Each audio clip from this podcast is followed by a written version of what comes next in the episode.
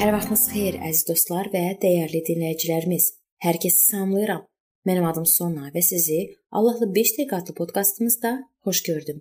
Bu gün biz imanlar cəmiyyətində qarşılıqlı münasibətlər və imanı zəif olanlara münasibət haqqında danışmağa davam eləyirik və gəlin bu məsələdə müqəddəs kitabın həllinə baxaq. Yaxşı münasibətlərə görə məsuliyyəti Allah hər birimizin üzərinə qoyur.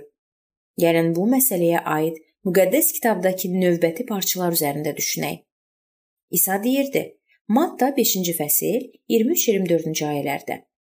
Buna görə də qurbangah qarşısına qurbanını gətirdiyin zaman yadına düşsə ki, qardaşının sənə qarşı bir şikayəti var, qurbanını qurbangahın qarşısında qoy, get əvvəlcə qardaşınla barış və ondan sonra gəl qurbanını təqdim et.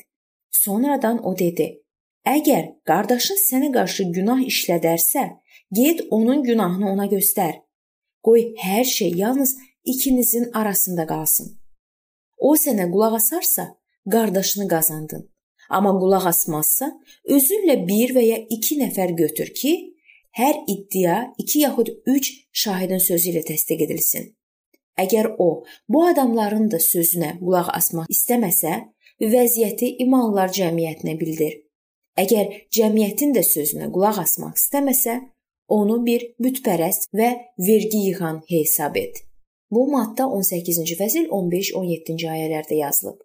Kəlamdan olan bu iki parça münasibətlərdəki problemlərə vaxt itirmədən diqqət yetirməyin vacibliyinə işarədir.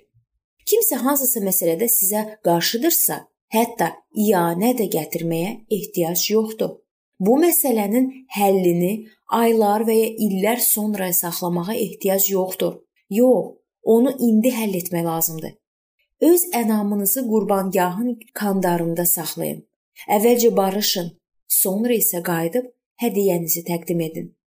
Barışın kimi tərcümə edilən bu Yunan sözü tam dəyişikliyi nəzərdə tutur.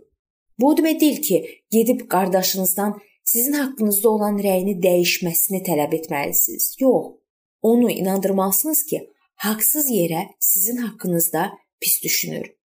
İnsanın tövbə vasitəsilə özünə haqq qazandırmağa cəhd etməsi münasibətləri bərpa etmir.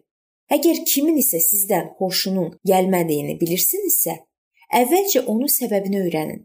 Daha sonra onu deyin ki, siz də hərdən səhv edirsiniz. Əgər bilərəkdən pis hərəkət etməmisinizsə, günahınızı etiraf edərək bunu deyin.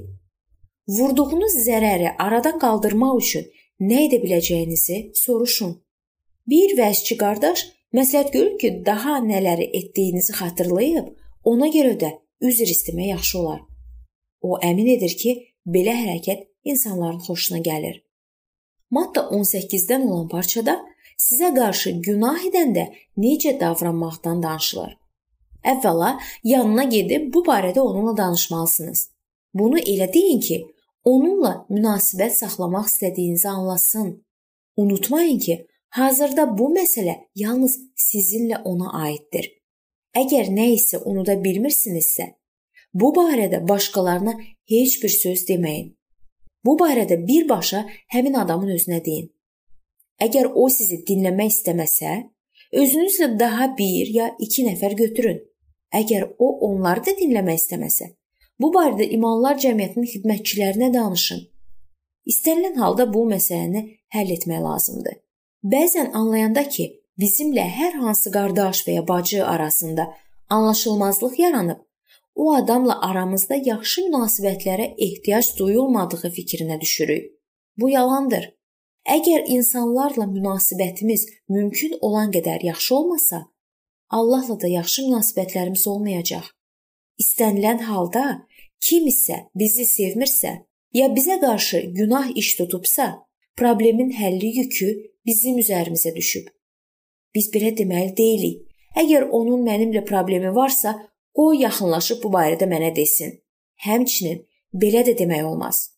O məni incitdiyini və ya bunun mənim üçün sınaq olduğunu bilir. Səhv etdiyini anlayanda yanıma gəlsin və bu barədə mənə desin. İmanlar cəmiyyətində sülhün qorunması hər kəsin borcudur. İlk növbədə mənim özümün.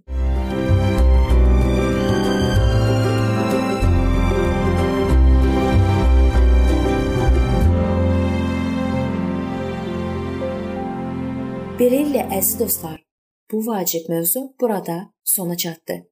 Hər zaman olduğu kimi sizi dəvət edirəm ki, bizim podkastlarımızı Facebook səhifəmizdən və YouTube kanalımızdan dinləməyə davam eləyəsiniz.